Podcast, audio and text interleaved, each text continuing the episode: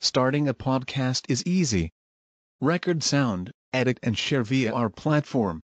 Anchor is the easiest way to create podcasts, Spotify's offering to you. Distribute your podcasts to the most popular listening platforms, including Spotify, Apple Podcasts, Google Podcasts, and more, with just one tap. Download the free app to start your podcast with the versatile platform from Anchor. Thank you. Ada pertanyaan di sini berhubungan dengan masalah menghitung zikir yang sesuai dengan sunnah Nabi Sallallahu Alaihi Wasallam bagaimana? Apakah mengkhususkan dengan tangan kanan saja ataukah boleh kedua-duanya? Berhubungan dengan masalah ini akhwanillah tentang cara menghitung tasbih, menghitung zikir telah datang nas dari hadis Abdullah bin Amr bin Al-As radhiyallahu anhuma yang dikeluarkan oleh Ahlus Sunan. Di mana beliau mengatakan wa raaitu Rasulullah sallallahu alaihi wasallam yaqidut tasbih dan aku melihat Rasulullah sallallahu alaihi wasallam yaqidut tasbih menghitung tasbih yaitu menghitung bacaan zikirnya pada riwayat yang lain yaqiduhunna biyadih aku melihat Nabi sallallahu alaihi wasallam menghitung enam tasbihnya bacaan tasbihnya dengan tangan beliau. Taib. Dalam riwayat yang lain, walaqad ra'aitu Rasulullah sallallahu alaihi wasallam yaqidu hakadha wa 'adda asabi'ahu.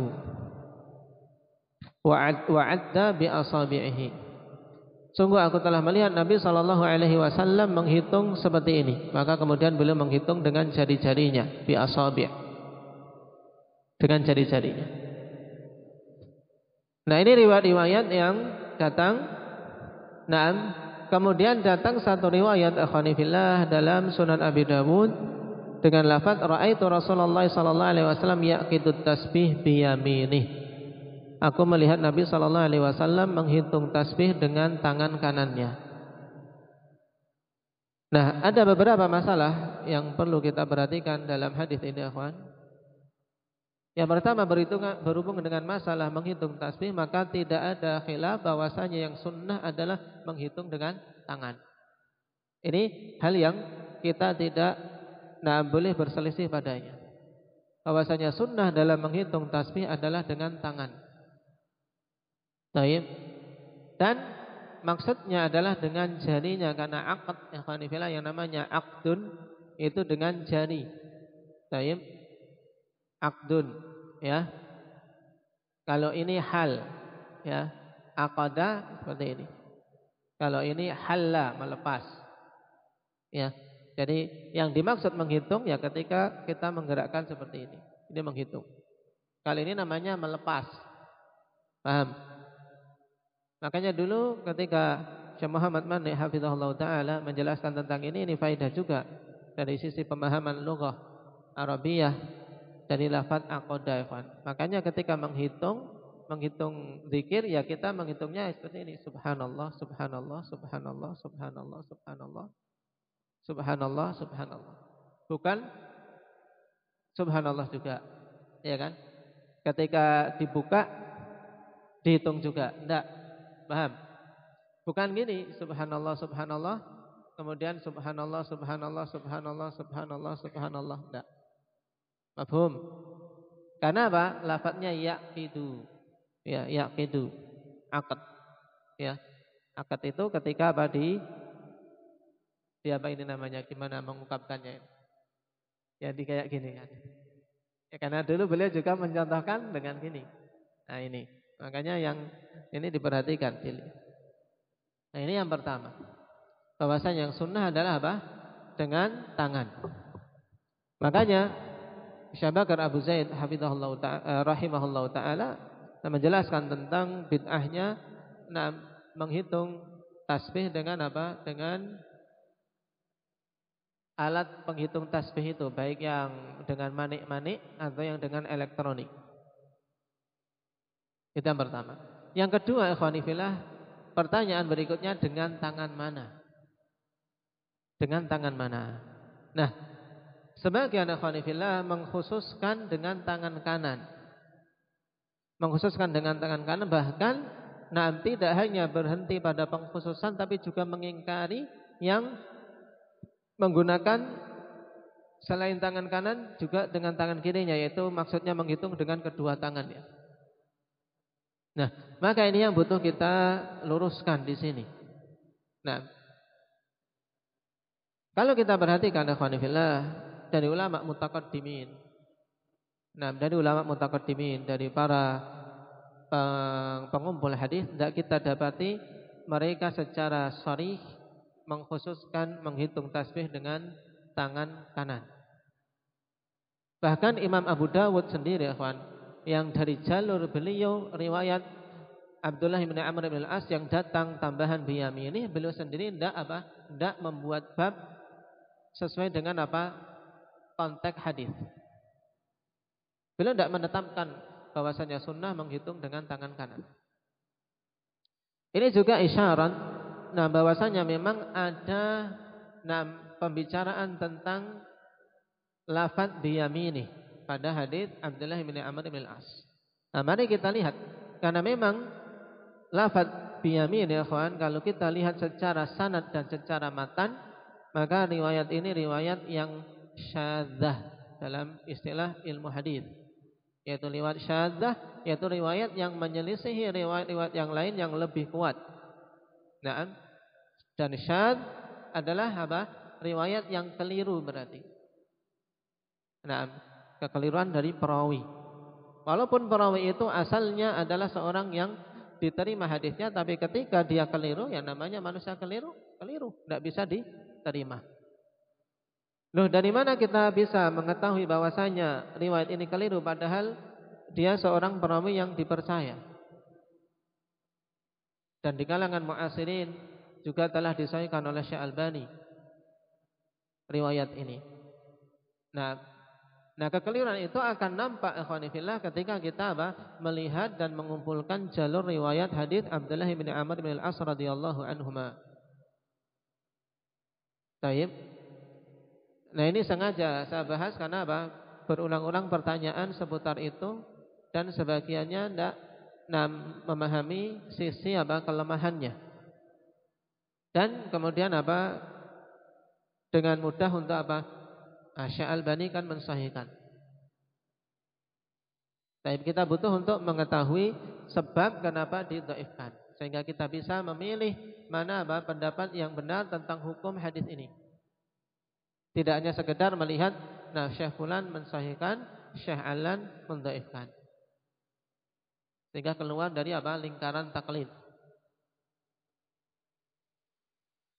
Hadis ini akhwanifillah Naam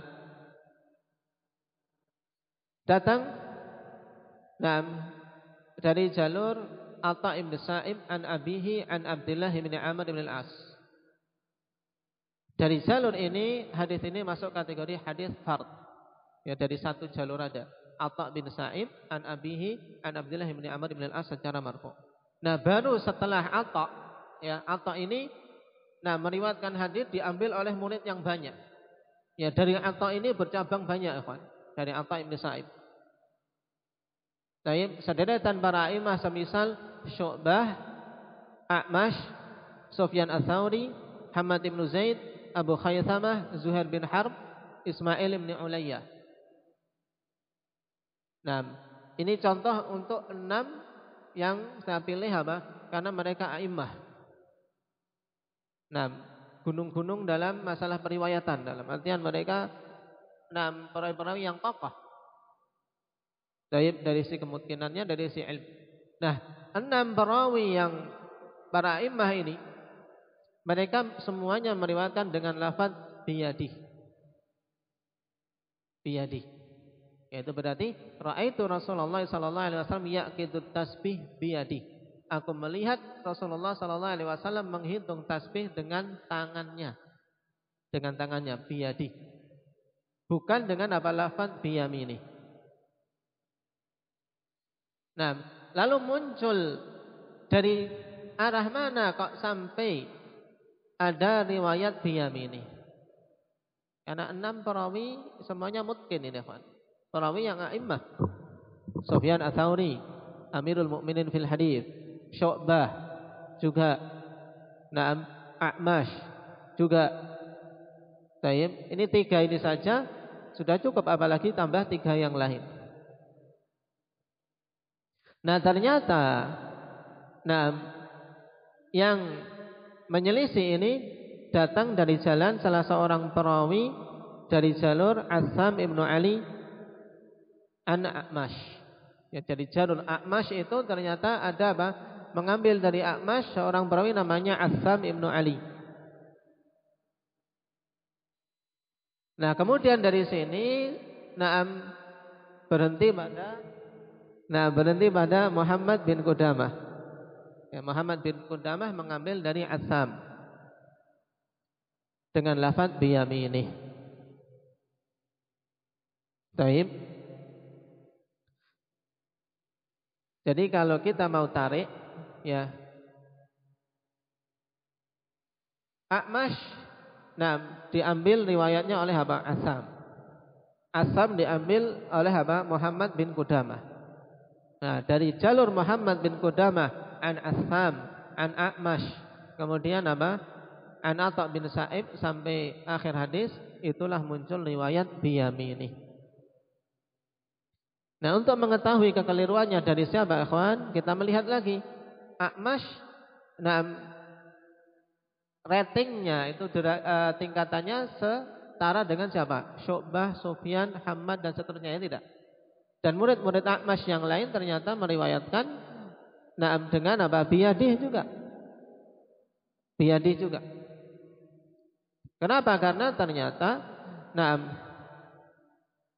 Akran dari Asam ya, yang selevel dengan Asam mereka meriwayatkan dengan apa? Biyamini. Tayyib apa? Biyamini. Yang selevel dengan apa? Asam meriwayatkan dengan biyadi bukan biyamini. Sehingga kesimpulannya akhwanifillah ya, semua perawi yang mengambil dari apa Asam dari Akmash nah, meriwayatkan dengan biyadi kecuali siapa? Muhammad Ibnu Qudamah. Taib Muhammad Ibnu Qudamah. Ini menunjukkan bahwasanya kekeliruan ada pada Muhammad Ibnu Qudamah. Makanya para imam rahimahumullah taala menetapkan bahwasanya riwayat ini syadzah syadzah biha Muhammad ibnu Qudamah syekhnya Imam Abu Dawud rahimahullah taala. Enggak ada yang menguatkan riwayat tersebut sama sekali ya Nah, kira-kira nah yang seperti ini Muhammad bin Qudamah mengambil dari Asam. Eh, mengambil dari Asam. Kemudian dari Akmash, dari Atta' Nah, dia meriwayatkan biyamini. Sedangkan yang lain yang sama-sama mengambil dari Asam, ya, selain Muhammad bin Qudamah bahkan orang paling apa kuat mengambil dari Asam yaitu anaknya. Taib anaknya sendiri meriwayatkan dengan biyadi. Ditambah dengan riwayat selain Jarul Akmash yang tadi ada siapa? Ada Syu'bah, ada Tauri. Semuanya dengan biyadi. Kira-kira lafaz biyami ini nah, mampu tidak untuk bersendirian seperti tidak? Menunjukkan bahwasanya keliru. Lafaz itu keliru. Paham? Nah, ini sisi sanad menunjukkan apa? Sanadnya syadzah. Ya, riwayat tersebut syadzah lafaz biyami ini. Maka riwayat yang mahfuzah, riwayat yang terjaga adalah biyadi dengan tangannya. Baik. Loh, kanan juga tangan. Ya. Maksudnya di sini yang kita bahas karena kelafat biyamin ini menyebutkan spesifik saja satu tangan. Tapi kalau biyadi ini naam secara ilmu usul ya. Nah, di sini apa lafat yang apa? Mufrad mudhaf. Yadun diidafakan kepada hak. Maka dari sisi kaidah usuliyah maka mufrad mudhaf yufidul umum memiliki makna umum berarti mencakup tangan kanan dan tangan kiri. Kita tidak boleh mengkhususkan salah satu dari keduanya tanpa dalil. Paham? Ini maksudnya. Nah, syadnya riwayat tersebut juga apa bisa kita lihat dari sisi matannya, Kalau tadi dari sisi sanad jelas. Jelas sekali menyelisih sederetan para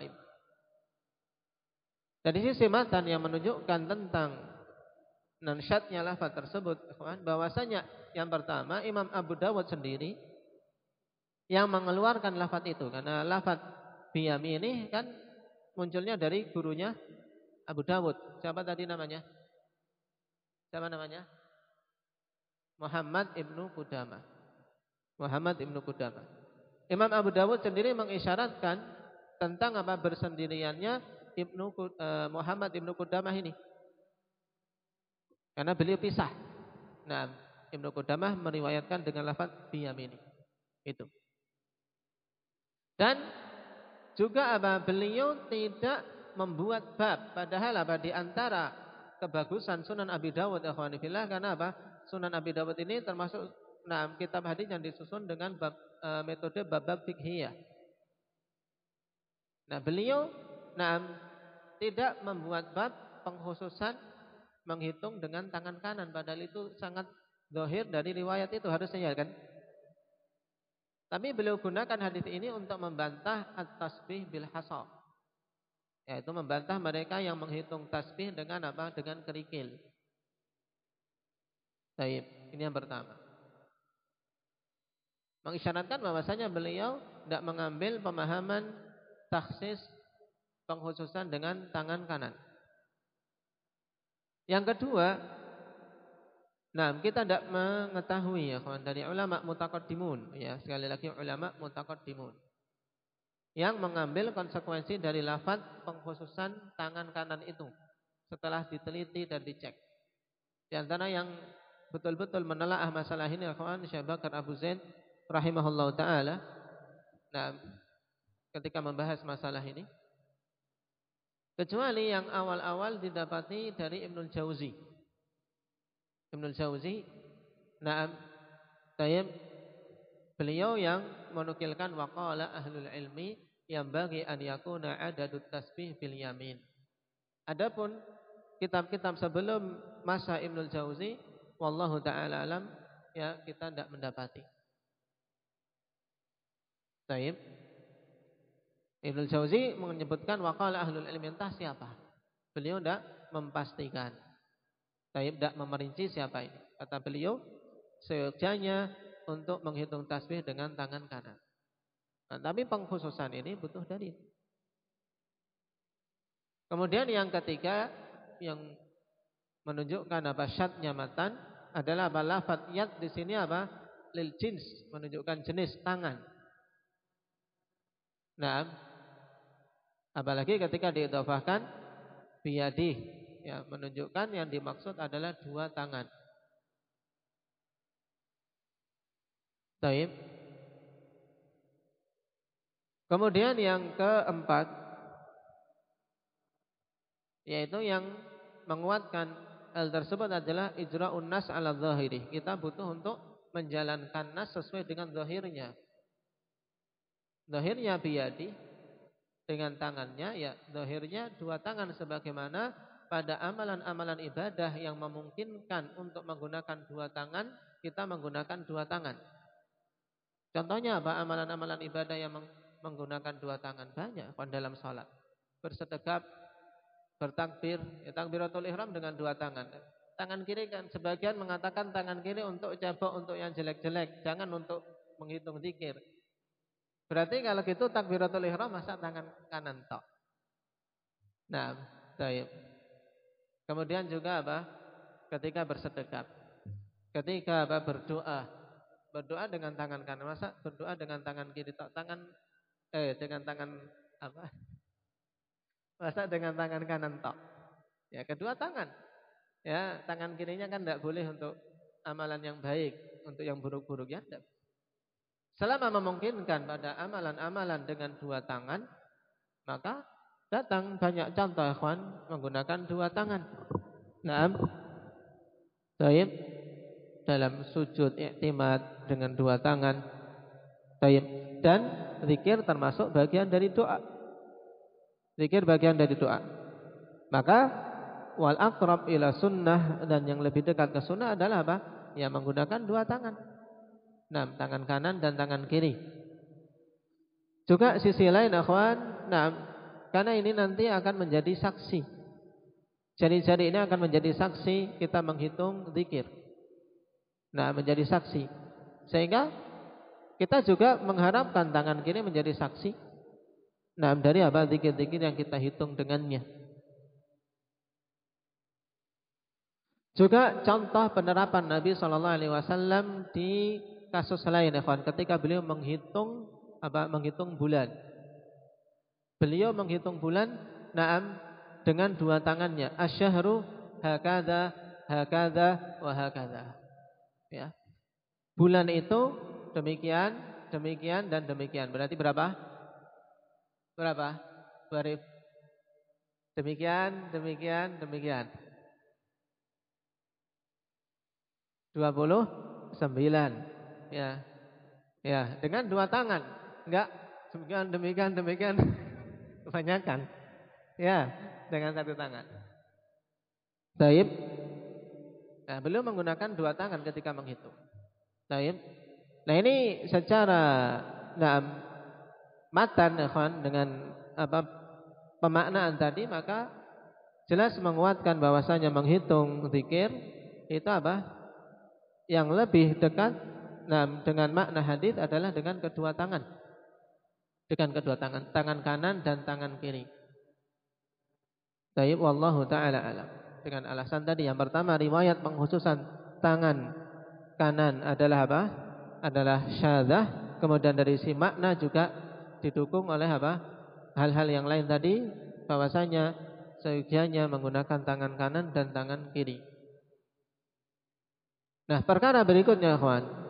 Sebagian mengatakan nah penghususan tangan kanan dengan hadis Aisyah. Nah, karena Rasulullah sallallahu alaihi wasallam yuhibbut tayammun fi tana'ulihi wa tarjulihi wa fi sya'nihi kulli. Adalah Nabi sallallahu alaihi wasallam mencintai untuk apa tayammun. Nah, ini sebagian orang keliru dalam memaknakan tayammun. Nah, Tayamun itu apa? Bukan kemudian menggunakan tangan kan, yang kanan tok, ikhwan. Maksudnya tayamun adalah apa? Mengedepankan yang kanan. Rasulullah mencintai untuk mengedepankan yang kanan. Nah, makanya dicontohkan oleh Aisyah fi apa? Tanaulihi dalam memakai apa tanaul? Memakai sendal. Memakai sendal bukan sendal kanan tok, setelah itu kirinya tidak dipakai, ya kan? Tapi kedepankan kanan baru pakai kiri. Nah, kemudian tarojul, tarojul apa tarojul? Bersisir. Bersisir masa sidang yang kanan tok si kirinya sudah biarin. Ya, kiri juga di tapi kanan dulu baru kiri. Wa fi dan dalam perkara-perkara Nabi sallallahu alaihi wasallam yang lainnya.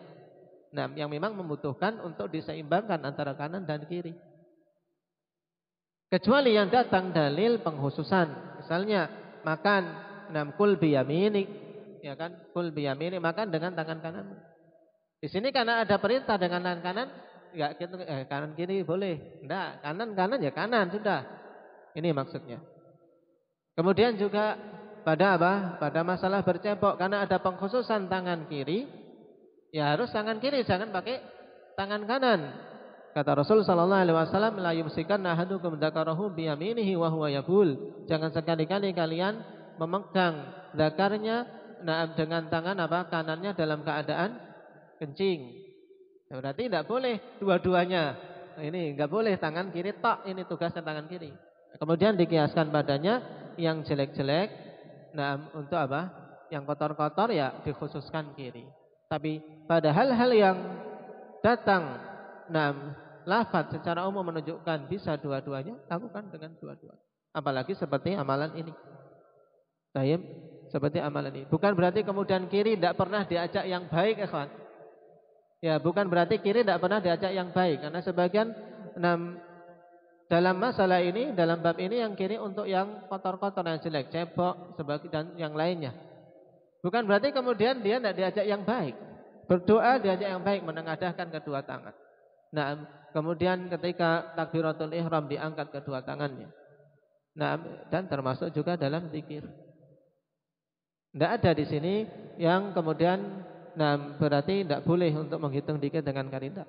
Termasuk kekeliruan. Nah, sebagian ulama di antara Syekh Albani rahimahullah taala yang mengingkari hal tersebut dengan dua tangan ini mengingkari bahwasanya termasuk menggabungkan amalan salihah wa akhar batila. Amalan saleh dan jelek, ya. Ini karena beliau mensahihkan riwayat biyamini, ya, menghitung dengan tangan kanannya. Tapi telah kita lewati riwayat biyam ini hisyadah sehingga kembali ke riwayat jamaah, riwayat para imah yang lain yang datang dengan lafaz apa? Biyadi dengan tangannya. Sehingga kembali kepada keumuman tangan, mencakup tangan kanan dan tangan kiri. Taib. Wallahu taala alam ini dipahami dengan baik. Hadisnya juga hukumnya, ikhwan. Sehingga seorang membangun amalan di atas ilmu. Dengan amalan di atas ilmu. Nah, di sini tingkatannya, kalau memang nah tadi sudah paham, yang akrab ila sunnah tadi apa? Kedua-duanya. Tapi kalau seorang nah menggunakan satu tok dengan tangan kanannya, nah ini apa? Tidak diingkari. Tapi kalau dengan satu tok menggunakan tangan kiri ini yang butuh diluruskan. Kenapa? Karena kalau nah, amalan itu khusus mengkhususkan tangan kiri ini lebih lebih jelek. Nah, lebih jelek pengkhususan tangan kiri untuk. Tapi kalau kedua-duanya naam, tidak masalah. Karena itu yang memang akrab ila fahmil hadis yang lebih dekat kepada pemahaman hadis. Paham di sini? Tayyib. Barakallahu fiikum. Jadi kalau pengkhususan dengan tangan kiri jelas itu diingkari. Diingkari. Yang kita jelaskan di sini adalah kedua-duanya, menggunakan kedua-duanya. Kalau tidak menggunakan kedua-duanya, ya gunakan yang apa? Kanan. Itu intinya. Gunakan yang kanan. Itu pilihannya. Cuman kalau kita mau yang kepada yang lebih dekat pada pemahaman hadis dengan penjelasan tadi, maka wallahu taala alam dengan kedua tangan. Kanan dan kiri juga caranya tadi akhwan namanya akad tadi. Ya akad itu tadi. Tidak nah buka tutup buka tutup. Wallahu taala alam. Naktabi bihadza subhanakallahumma bihamdik asyhadu an la ilaha illa anta